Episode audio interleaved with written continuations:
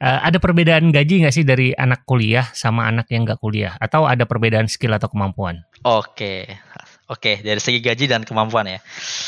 Kayaknya saya masih jelasin dari gaji dulu ya. Eh dari dari apa namanya dari kemampuan dulu ya. Jelas sih kalau apa namanya antara SMK dan anak kuliah tuh perbedaannya ada. Yang pertama dari pola pikir ya. Uh, karena kan uh, anak SMK tuh kayak uh, kurang gitu dalam hal berorganisasi dan berkomunikasi gitu. Sehingga uh, apa namanya ketika di dunia kerja uh, di dunia kerja pun juga kita nggak butuhin hard, gak cuma butuh hard skill doang kan.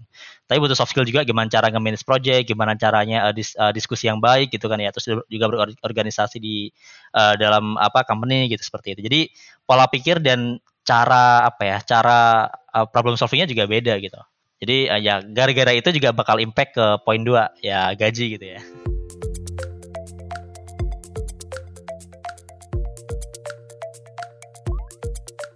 Selamat datang di Ceritanya Developer, podcast yang menampilkan developer, programmer, atau engineer Indonesia inspiratif yang tersebar di seluruh dunia.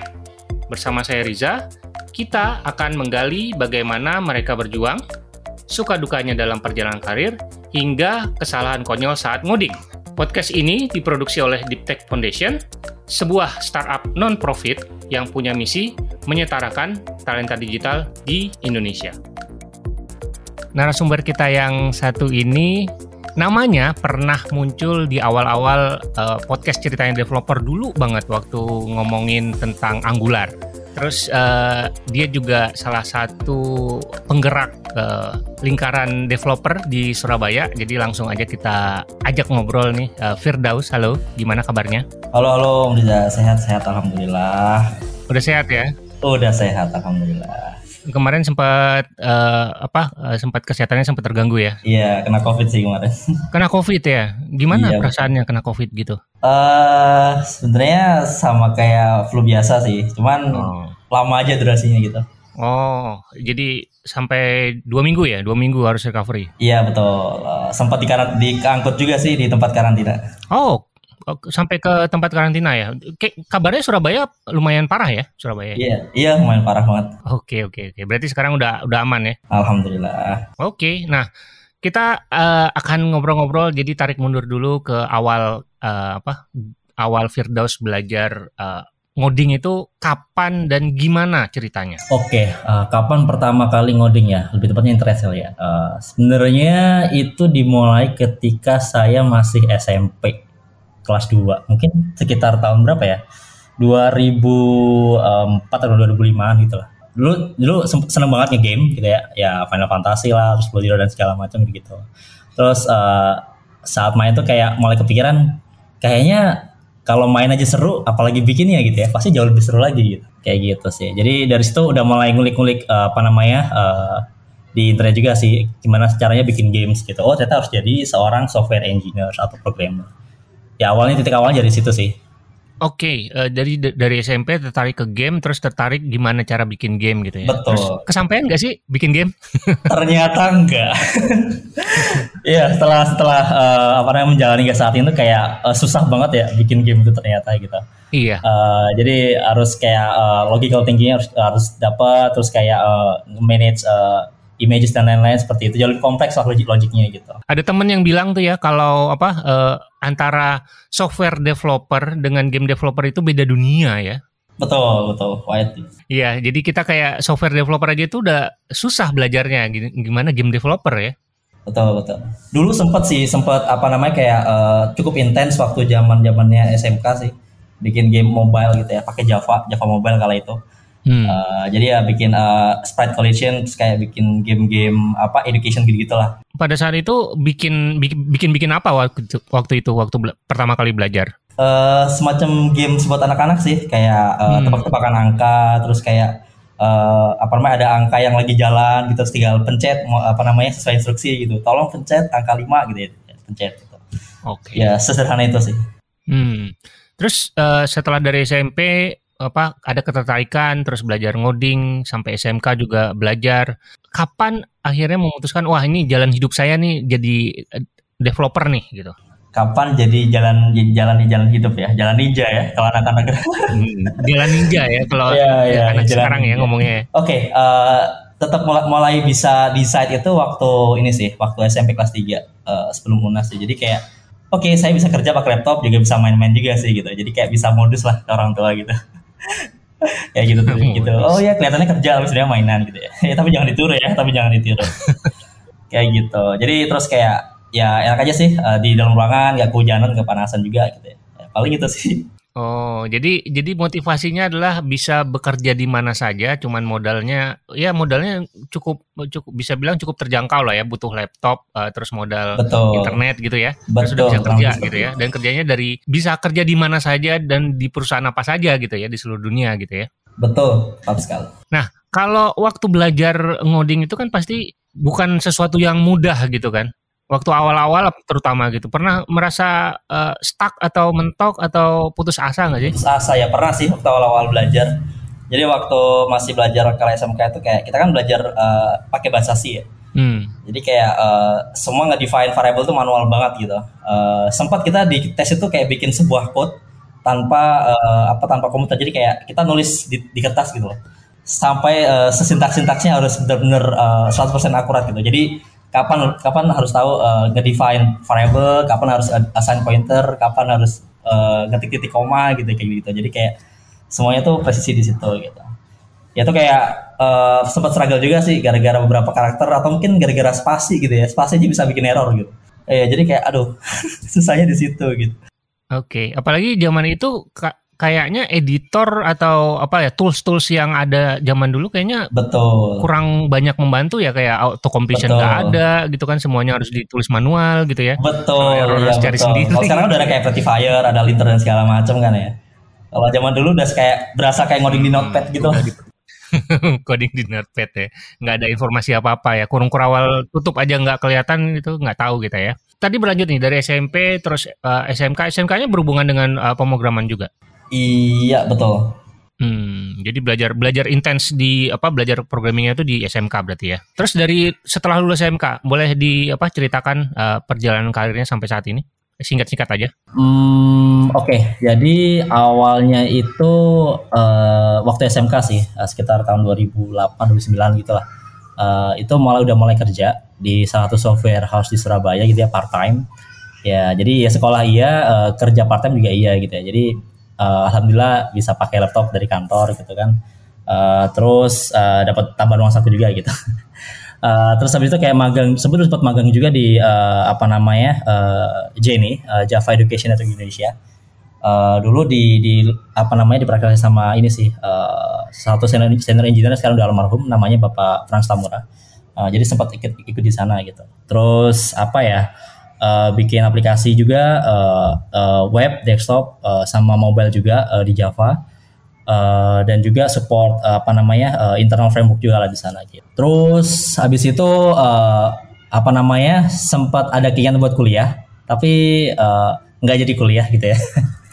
ya kenapa? karena ada kenapa ada dua alasan ada dua alasan sih. Yang pertama itu kayak uh, apa ya uh, satu kayak uh, saya udah pernah di SMK gitu ya udah bisa bikin aplikasi web mobile dan juga uh, desktop udah tahu rasanya gitu ya. Terus kalau itu kayak saat itu di Surabaya kayak uh, apa namanya kurikulumnya kayak nyari sama gitu dengan SMK gitu. Jadi kayak ah ngapain saya uh, kuliah lagi gitu kan? Uh, itu itu uh, pola pikir saya kala itu ya gitu ya.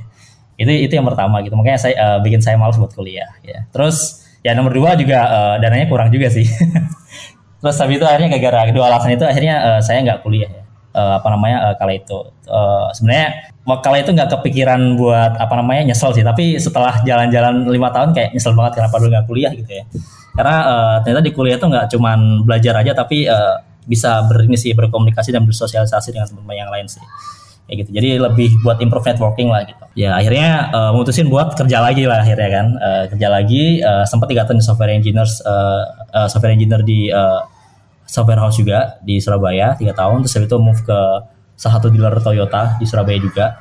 Nah baru tuh uh, 2016 uh, saya baru nyentuh dengan dunia startup. Jadi sebelumnya belum nyentuh banget dengan startup. Di 2016 saya baru nyentuh dengan startup. Itu di situ saya ketemu salah satu mentor saya juga uh, apa namanya uh, buat ngajarin saya di gimana sih environmentnya di startup seperti apa gitu ya. Wah ternyata uh, apa namanya benar-benar seru banget sih uh, di situ. Itu kali itu di company namanya Pinjam sih. Ya saya nggak tahu masih masih eksis apa nggak company-nya ya. Tapi uh, ya di situ ya di situ saya udah boleh belajar uh, apa namanya kayak React dan segala macam itu ada di situ terus habis itu moving forward kita sempat di KMK juga di KMK online uh, dulu dia sign di tim publishing sih uh, apa namanya ya handle liputan6.com terus bola dan lain-lain gitu gitulah cuma di sana nggak bertahan lama karena uh, basically sebelumnya uh, saya senang kerja remote gitu ya. Jadi akhirnya ditawarin sama company sebelah uh, buat remote juga gitu. Akhirnya pindahlah ke company Tamasia di sana. Uh, namanya Tamasia itu startup ini sih uh, uh, jual beli emas gitu lah uh, di situ juga enam uh, tahun juga eh enam tahun enam uh, bulanan lah sekitar enam bulanan gitu terus baru saya di hijack lagi nih sama sama apa namanya uh, mentor saya yang tadi dipinjam gitu ya uh, akhirnya desain juga di warung pintar uh, masuk ke warung pintar iya tiga tahun juga ya pegang produk juga uh, produk engineering juga uh, sempat terakhir-terakhir sih pegang platform juga gitu platform engineering juga. Terus uh, awalnya sempat juga uh, ngelit tim di situ uh, di platform. Cuma nggak bertahan lama, akhirnya saya uh, cabut ke company yang baru sekarang ya. Uh, mohon maaf belum bisa saya announce ya, uh, takut nanti nggak lulus. Uh, mungkin boleh dikasih clue uh, ini ini perusahaan-perusahaan Indonesia lokal atau perusahaan luar? Uh, apa namanya perusahaan luar sih asli asalnya dari Singapura. Uh, uh, uh, beratnya bergerak di bidang uh, financial technology gitulah. Oh fintech ya? Ya dan Betul. Selamat dulu ya berarti ya, selamat ya. Masih baru awal banget ya. Ya, terima kasih. iya, baru sebulan sih. Wah, enak nih kalau jalan-jalan ke Singapura sekarang ya, udah ada kantor ya. Iya, alhamdulillah. Tapi pengennya tidur di hotel juga sih, jangan di kantor. Oke, ini ini menarik nih. Jadi uh, Firdaus ini adalah salah satu uh, software engineer yang uh, tidak mengecap bangku kuliah berarti ya uh, dari SMK langsung bekerja itu gimana tuh prosesnya uh, sampai apa uh, susah nggak sih anak SMK waktu itu pada saat itu uh, apply kerjaan itu uh, susah atau gampang atau gimana? Oke, okay, sebenarnya ada dua ada dua faktor sih uh, yang menentukan susah enggaknya gitu ya. Uh, yang pertama itu dari uh, apa namanya uh, dari environment ya gitu ya. Uh, mungkin dari lingkungan cara belajarnya terus tempat magang yang tepat itu sangat berpengaruh banget uh, apa namanya uh, dengan dengan state ini gitu. Jadi kalau uh, anak buat anak SMK sih kalau magangnya di tempat yang tepat ya kan kayak uh, yang yang saya alami uh, dulu gitu ya. Akhirnya kita punya uh, channel yang bagus, punya network yang bagus, punya mentor yang bagus. Terus kayak apa ya, uh, punya apa ya, uh, bisa mempelajari hal-hal yang tepat dan akurat dan itu berguna banget buat masa depan gitu. Itu kayak gitu. Karena kan zaman zaman itu juga nggak banyak sih punya apa namanya kita anak SMK tuh punya kesempatan buat magang di, tem di tempat yang tepat. Kadang-kadang itu kayak kita di jurusan ini ya di jurusan apa namanya programming gitu ya di, di SMK tapi magangnya jaga toko gitu. Ada juga kayak gitu uh, jadi uh, itu itu uh, apa namanya uh, suatu keberuntungan sih terus uh, sedangkan faktor yang kedua adalah dari dari orangnya sih kalau orangnya apa namanya uh, bisa apa ya belajar dengan baik terus uh, apa pantang menyerah gitu ya terus kayak punya semangat buat belajar untuk maju gitu uh, saya rasa itu bisa hmm. mudah sih. Okay, okay. Menarik menarik. Jadi uh, apa ya uh, mungkin bahkan sampai sekarang pun ada kan tetap ada kan perusahaan yang mensyaratkan ini ya ijazah S1 gitu kan. Tapi betul, sekarang betul. udah semakin ke sini semakin sedikit ya, yang, ya perusahaan yang seperti itu ya. Mereka udah tidak memandang uh, ijazah lagi tapi lebih memandang kepada skill gitu ya. Betul betul. Hmm, berarti kuncinya tetap ini ya, tetap uh, berjejaring, uh, mencari mentor gitu ya, yang tepat dan uh, magang, magang di tempat yang tepat juga gitu ya. Betul, tepat sekali. Oke, okay. Nah selama jadi developer nih udah berapa lama? Terus uh, punya momen atau kontribusi yang membanggakan nggak sebagai developer? Oke, okay, uh, kontribusi yang membanggakan ya. Uh, kalau engineering sih kalau kalau di total ya mungkin udah lebih dari 10 tahun ya. kalau itu dari 2008 2009 gitu. Apa officialnya kan di 2010 nih. Paling berarti udah 10 11 tahunan lah. Uh, kalau momen bangga sih paling ini ya apa namanya bisa ngereduce cost sih. Uh, jadi uh, kalau kita lagi engineering gitu ya. Kalau dulu tuh harus beli server uh, berpuluh-puluh juta gitu ya. Uh, terus karena kita udah bikin apa namanya aplikasi yang baru, bikin uh, solusi yang baru dengan teknologi yang baru juga gitu ya. Akhirnya kita bisa optimize uh, server apa namanya biaya server tadi gitu sehingga optimize dari segi cost gitu. Ya kan lumayan kan selisihnya bisa di apa namanya pakai buat beli mendoan kali ya. Ada satu lagi sih itu bisa nge-guide apa namanya uh, anak baru gitu ya supaya bisa nyemplung jadi seorang programmer gitu. Jadi dulu tuh sempat apa namanya ada teman-teman yang uh, dari teman-teman desain gitu ya.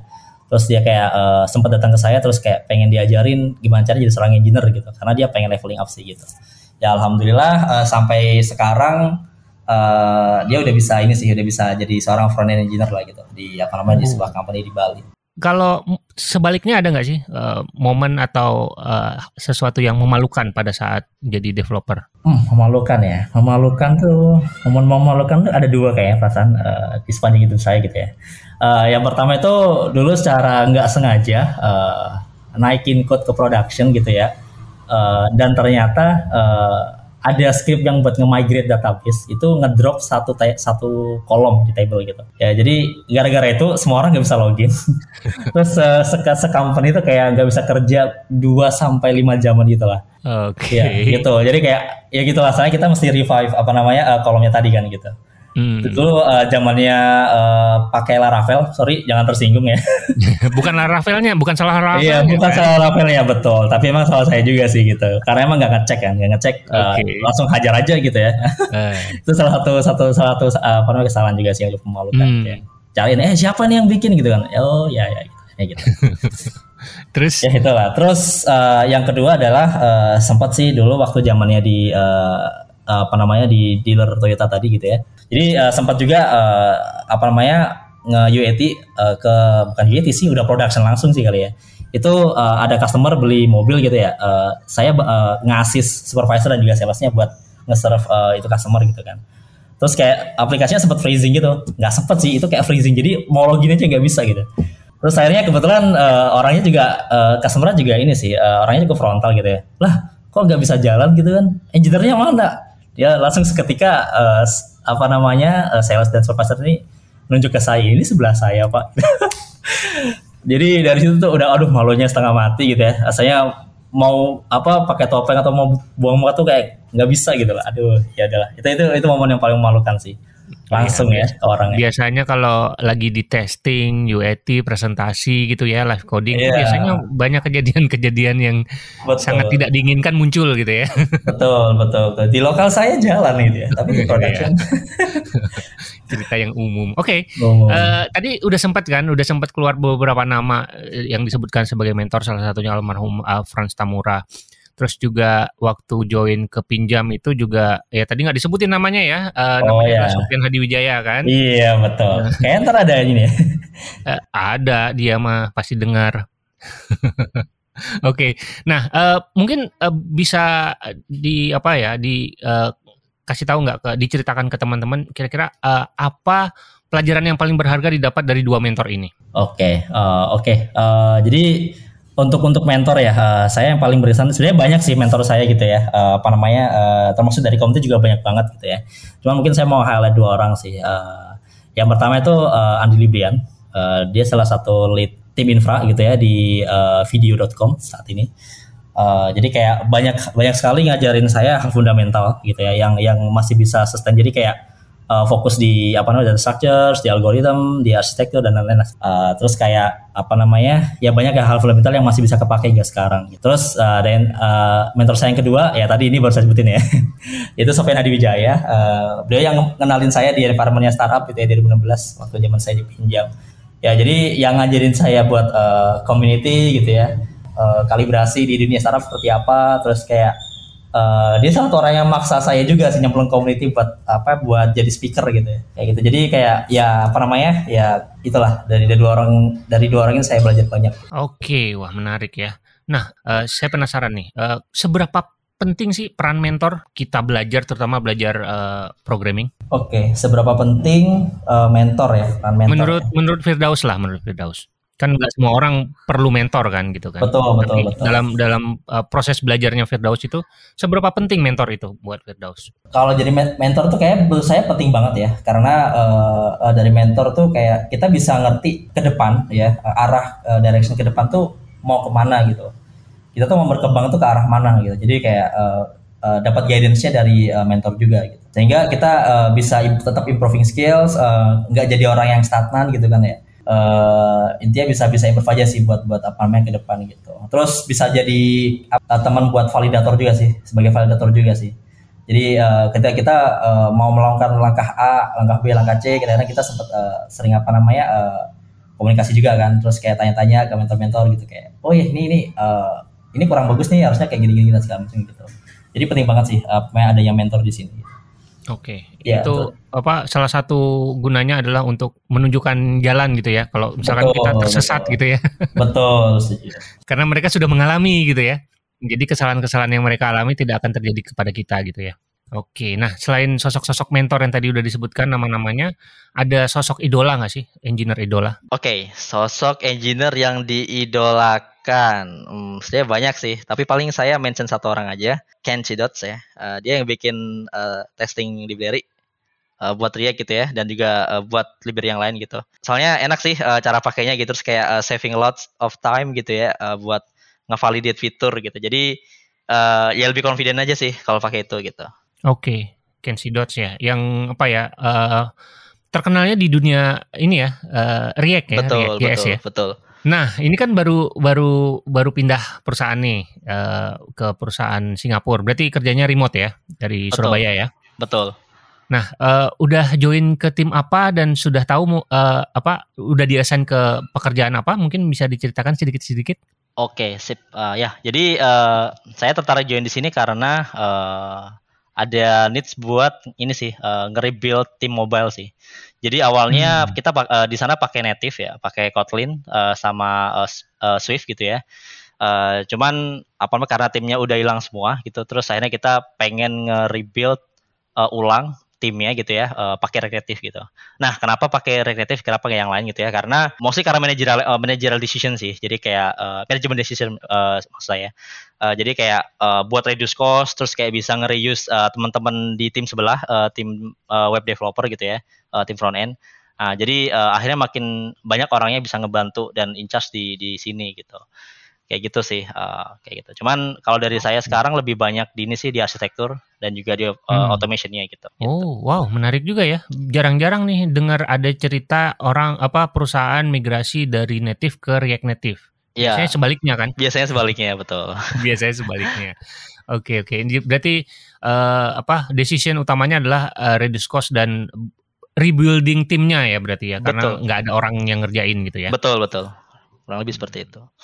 Oke. Nah, di luar pekerjaan sebagai developer nih, uh, ada punya hobi apa sih?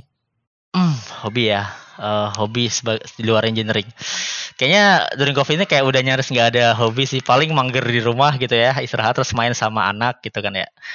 Uh, dan paling lagi lagi explore ini aja sih, like explore cupang gitu. Oh, iya, okay. jadi kayak uh, ada akuarium sih di meja gitu ya, kecil gitu ya. Kayak, kayak dikasih cupang kayaknya menarik gitu ya.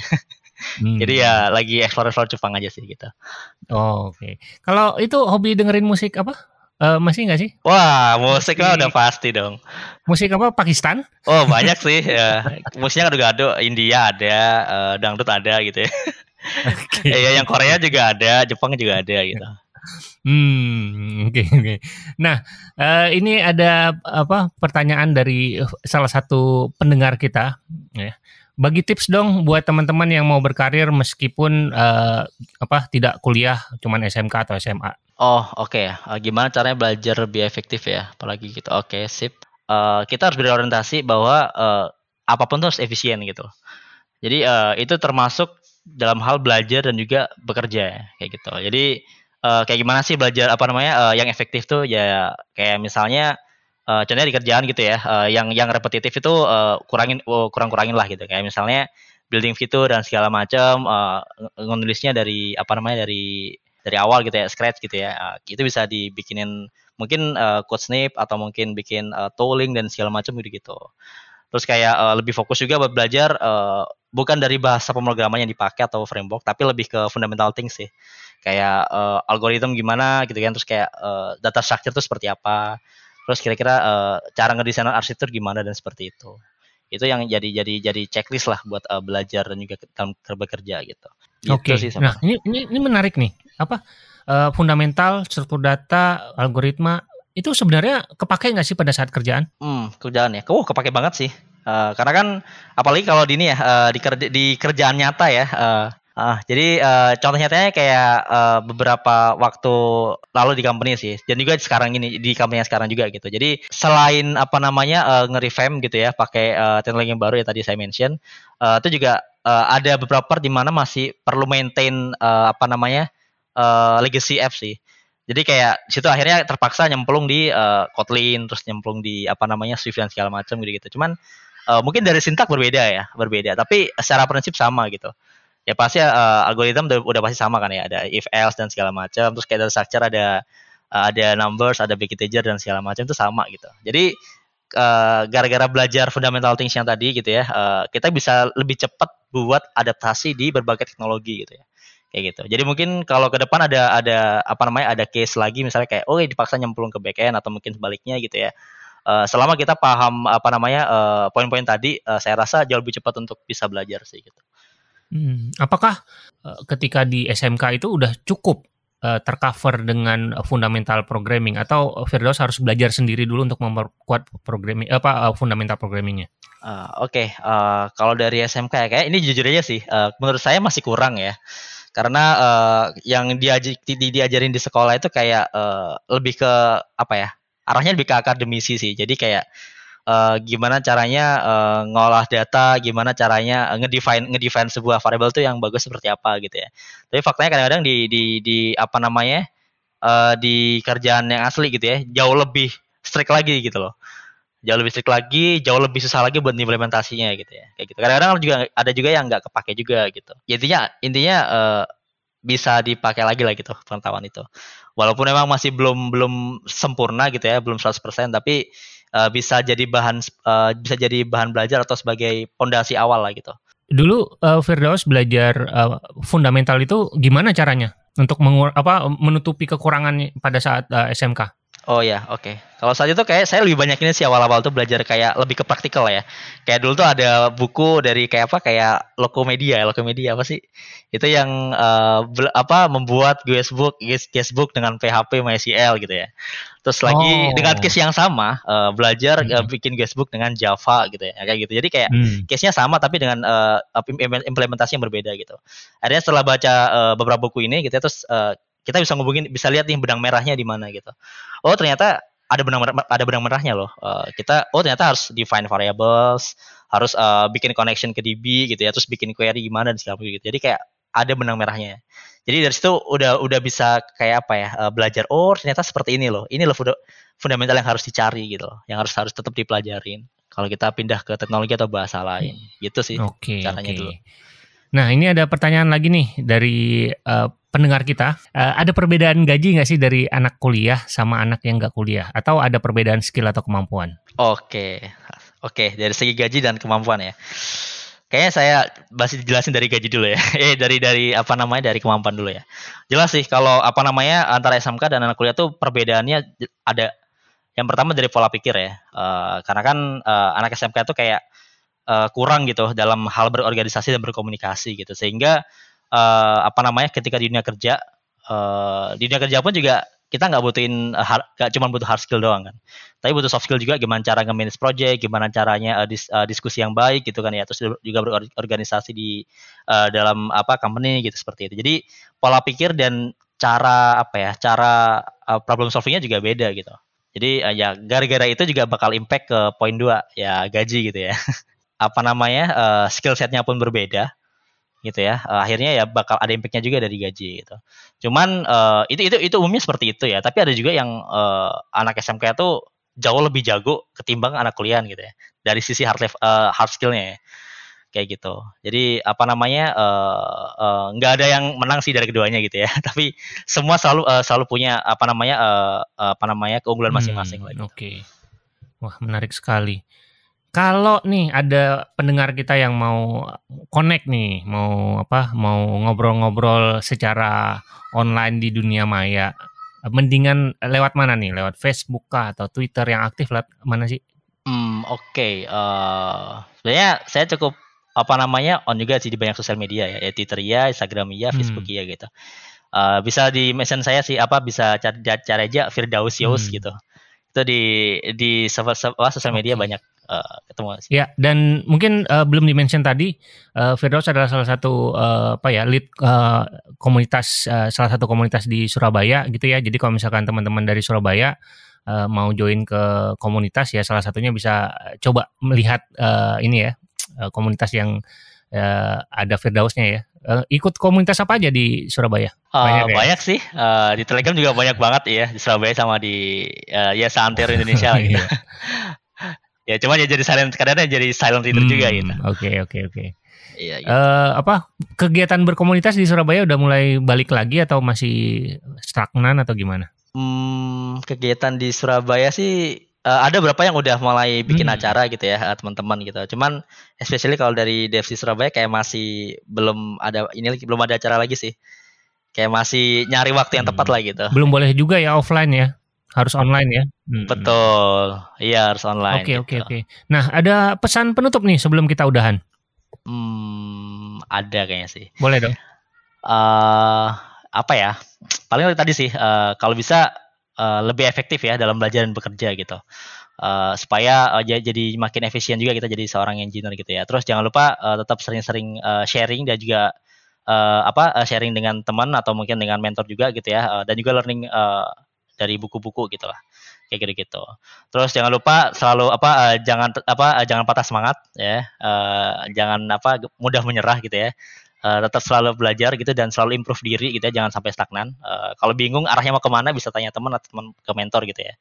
Kalau nggak dapat ya di community aja gitu ya. Terus kayak ada satu yang uh, cukup penting sih uh, apa ya kayak apa ya kalau bahasanya di kantor lama tuh ini sih selalu aktifin mata ketiga gitu ya istilahnya. Jadi uh, kita tuh harus selalu apa ya uh, apa lebih objektif ya objektif uh, dalam apa namanya uh, bekerja gitu ya. Uh, contohnya kayak misalnya uh, saya lagi ngerjain ABCD gitu ya. Uh, sebelum saya deliver ke atau delegasiin ke teman-teman yang uh, lain gitu ya. Uh, kira-kira ini udah pantas nggak sih buat di apa namanya di di apa di di handoverin gitu atau diserahkan ke tim yang lain gitu ya dicek oh ini kira-kira ada yang kurang dan segala gitu jadi kayak uh, kita harus sering-sering berkaca lah gitu ya kira-kira supaya uh, kerjaan kita tuh jadi ses, apa sesuatu yang bagus dan gak nyusahin orang lain lagi. Hmm, jadi kita harus memandang ya. pekerjaan kita dari sudut pandang orang lain mungkin gitu ya maksudnya. Ya? Hmm. Iya betul. Oke, okay, kalau gitu terima kasih banyak Firdaus atas waktu dan ceritanya. Sukses terus untuk karir dan kehidupannya. Kritik dan saran bisa dilayangkan ke rizafahmi at gmail.com atau mention lewat Instagram deeptech.id dengan hashtag ceritanya developer. Jangan lupa support podcast ini dengan berdonasi lewat karyakarsa.com slash rizafahmi atau beli merchandise ceritanya developer di www.ciptaloka.com slash plus rizafahmi. Sampai jumpa lagi di episode berikutnya. Bye!